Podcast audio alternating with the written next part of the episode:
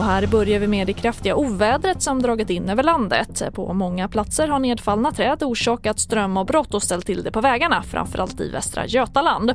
Och just nu blåser det som mest över Gotland där vår reporter Magnus Wennerberg finns.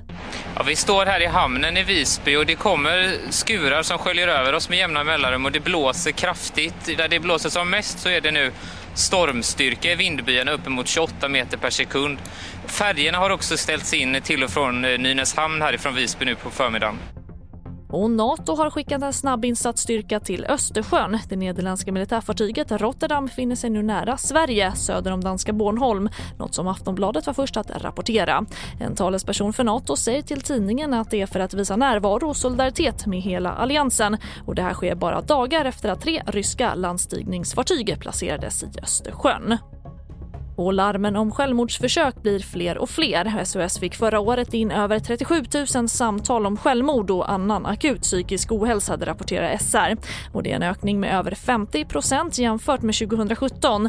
Ansvaret för att rycka ut blir oftast polisens men ansvariga där säger att de önskar en större satsning på psykiatriambulanser. TV4-nyheterna, jag heter Charlotte Hemgren.